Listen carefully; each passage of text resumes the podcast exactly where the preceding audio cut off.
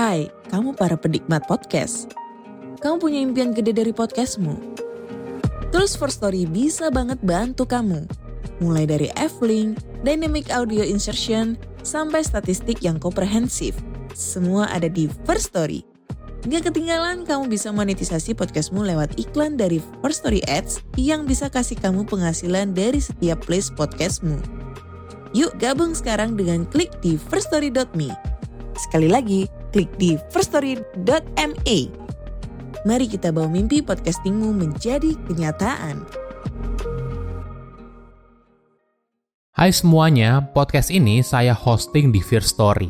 Kalau kalian belum pernah dengar Fear Story, ini adalah platform baru yang paling lengkap dan mudah untuk membuat, mendistribusi, dan mengelola podcast kamu. Nah, jadi Fear Story itu bisa kamu gunakan 100% gratis. Kamu bisa mengupload episode terjadwal dan mendistribusikan podcast kamu di semua platform podcast di Indonesia. Fear Story juga menyediakan customer service yang berisikan podcaster berpengalaman. Kamu bisa share podcast kamu tanpa ribet dengan F-Link yang akan mencakup semua link platform kamu dan sosial medianya. Dengan Fear Story Ads, kamu bisa mengakses monetisasi yang mudah dan beneran bisa kamu cairin tanpa biaya tambahan, gak pakai repot. Jadi tunggu apa lagi? Yuk maksimalkan podcast kamu dengan platform hosting dari Fear Story. Daftar sekarang di fearstory.me dan buat podcastmu jadi kenyataan.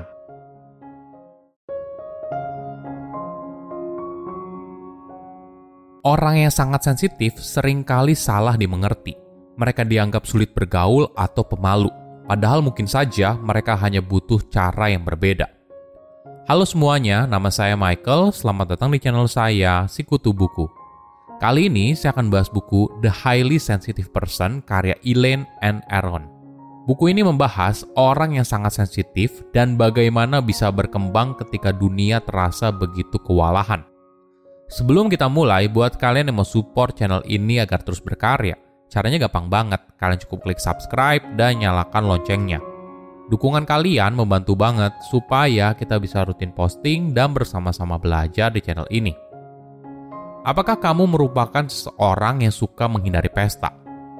Apakah kamu merasa terdorong untuk menghadiri sebuah acara karena jika tidak, kamu takut melukai perasaan orang lain? Apakah kamu membuat orang terpana dengan cara bagaimana kamu bisa memunculkan sebuah ide yang jenius? Kemungkinan kamu adalah orang yang sangat sensitif. Berlawanan dengan asumsi populer yang sering kali mengatakan kalau kamu adalah orang yang pemalu, kamu juga bukan perusak suasana. Kamu hanya memiliki kemampuan luar biasa untuk menangkap nuansa yang orang lain tidak sadar. Viktor Frankl adalah seorang dokter dan psikolog Austria yang dipenjarakan di kamp konsentrasi Nazi. Literatur klasiknya yang berjudul Man's Search for Meaning memperjelas kalau dia juga merupakan seorang yang sangat sensitif. Frankl menggunakan intuisinya untuk memahami kebutuhan emosional sesama narapidana, dan dia mengambil peran sebagai penasihat dan penyemangat spiritual. Pada suatu malam musim dingin yang sangat brutal, Frankel berbicara dengan para tahanan lainnya, mendorong mereka untuk menemukan makna batin terlepas dari keadaan yang mereka alami saat itu. Beberapa pria berencana bunuh diri malam itu, tetapi kata-kata Frankel yang menginspirasi mereka untuk tetap hidup. Saya merangkumnya menjadi tiga hal penting dari buku ini. Pertama, kenapa kamu dibilang terlalu sensitif? Apakah kamu pernah mendengar seorang dianggap terlalu sensitif? Atau jangan-jangan kamu yang justru dianggap terlalu sensitif? Apakah kamu merasa kewalahan terhadap suara, cahaya terang, dan hari yang sibuk? Mungkin saja kamu tergolong sebagai orang yang sangat sensitif. Mereka menangkap sinyal dengan cara yang berbeda dari kebanyakan orang. Orang yang sangat sensitif lebih peka terhadap lingkungan sekitar dan mudah sekali merasa kewalahan dalam lingkungan yang berisi terlalu banyak stimuli. Berdasarkan hasil riset penulis terhadap 300 responden, 20% dari mereka sangat sensitif, 22% yang lain cukup sensitif, dan 42% sisanya tidak sensitif sama sekali. Orang yang sangat sensitif akan mengeluh soal volume musik di bar. Mereka juga tidak nyaman ketika dikelilingi oleh begitu banyak orang asing. Tapi di sisi lain, mereka mampu menangkap isyarat cemberut dari istri seorang kolega yang membenci sebuah pesta. Mereka juga bisa menilai karakter seorang hanya dengan melihat bagaimana mereka bekerja. Jika kamu tergolong orang yang sangat sensitif, maka yang kamu butuhkan adalah keseimbangan. Kamu harus tahu di mana ambang batasmu yang optimal sehingga kamu tidak kewalahan. Ada contoh menarik untuk menggambarkan kondisi orang yang sangat sensitif. Rob dan Rebecca adalah seorang kembar, tapi bukan kembar identik. Saat mereka berusia tiga tahun, orang tua mereka memiliki anak lagi. Jadi ada sepasang teman orang tua mereka yang datang untuk mengasuh si kembar selama beberapa hari. Ketika Rob masuk ke kamar orang tuanya lalu melihat orang asing, Rob lalu ketakutan, berteriak, dan menangis. Sedangkan Rebecca justru malah biasa aja, melambaikan tangan dan tersenyum. Rob bukan anak yang pemalu dan mudah cemas. Rob hanya melihat, mencium, dan mendengar sesuatu yang Rebecca tidak sadari.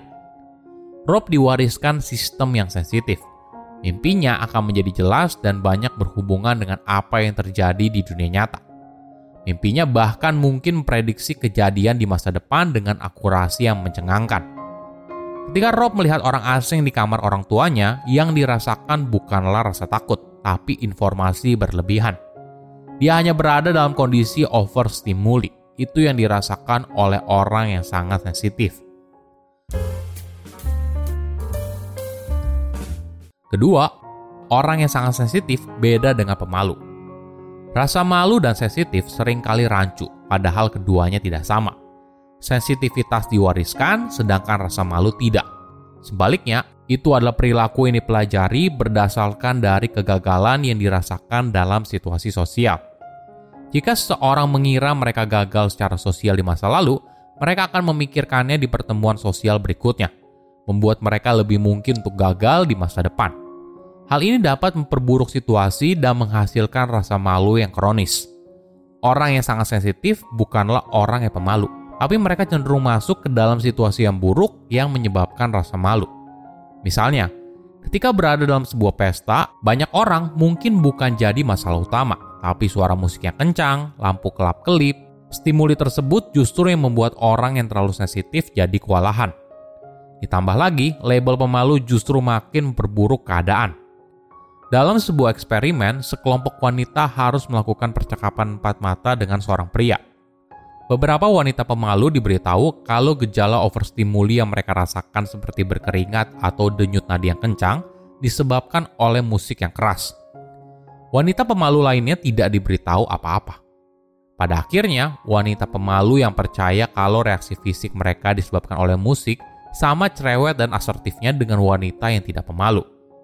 Jadi, lain kali ketika kamu merasa cemas secara sosial, bayangkan itu merupakan keadaan yang sementara dan bisa diperbaiki. Ibaratnya kamu berada dalam ruangan yang dingin. Kamu bisa keluar, mengatur ulang suhunya, atau menggunakan jaket hangat. Kamu tidak harus merasakan kedinginan terus-menerus. Dalam situasi sosial, kamu juga punya pilihan. Kamu bisa mencari orang yang sangat sensitif lainnya untuk diajak bicara atau mencari ruangan yang lebih tenang atau keluar sebentar atau bahkan meninggalkan acara tersebut. Jangan terjebak dalam kepercayaan salah kalau kamu adalah orang yang pemalu atau antisosial. Ketiga, tips sukses buat orang yang sangat sensitif. Nah, bagaimana bila kamu tergolong orang yang sangat sensitif? Mungkin yang kamu butuhkan ada tingkat fleksibilitas tertentu untuk menemukan, menguji, dan secara bertahap meningkatkan kemampuanmu untuk mengelola stimuli. Pertama, berlaku baik pada diri sendiri. Perlakukan pikiran dan tubuh seperti yang kamu lakukan pada dirimu yang masih baik. Usahakan untuk tidur yang nyenyak, makan dengan gizi seimbang, berolahraga, dan temukan tempat nyaman yang selalu bisa kamu kunjungi jika kamu merasa aman Mungkin saja ketika kamu berada di sekeliling orang yang kamu cintai. Kedua, pahami tubuhmu yang mungkin akan memberontak ketika menghadapi tekanan dari luar. Jika bicara soal pekerjaan, mungkin kamu bisa memilih untuk jadi pengusaha sehingga kamu lebih fleksibel. Nah, bagaimana bila kamu justru malah jadi karyawan? Mungkin kamu bisa komunikasi kepada atasan bagaimana cara kerjamu dan kalian bisa diskusi bagaimana jalan terbaik. Jika kamu menghadapi kecemasan soal performa kerja, ingat hal ini terjadi bukan karena kamu pemalu atau tidak kompeten. Mungkin kamu bisa meluangkan lebih banyak waktu untuk persiapan. Siapkan catatan sebelum meeting untuk membantu kamu fokus. Ketiga, mengatur ulang kehidupan sosial. Jika kamu adalah orang yang sensitif, bukan berarti kamu tidak punya kehidupan sosial. Sama seperti orang lain, kehidupan sosial juga penting buat kamu, tapi dosisnya saja yang berbeda. Buat orang yang kamu cintai mengerti apa yang kamu alami dan alasan kenapa kamu perlu jeda ketika bersama mereka. Faktanya, 30% orang yang sangat sensitif merupakan ekstrovert dan mereka masih mengalami overstimuli. Silahkan komen di kolom komentar pelajaran apa yang kalian dapat ketika baca buku ini. Selain itu, komen juga mau buku apa lagi yang saya review di video berikutnya. Saya undur diri, jangan lupa subscribe channel YouTube Sikutu Buku. Bye-bye.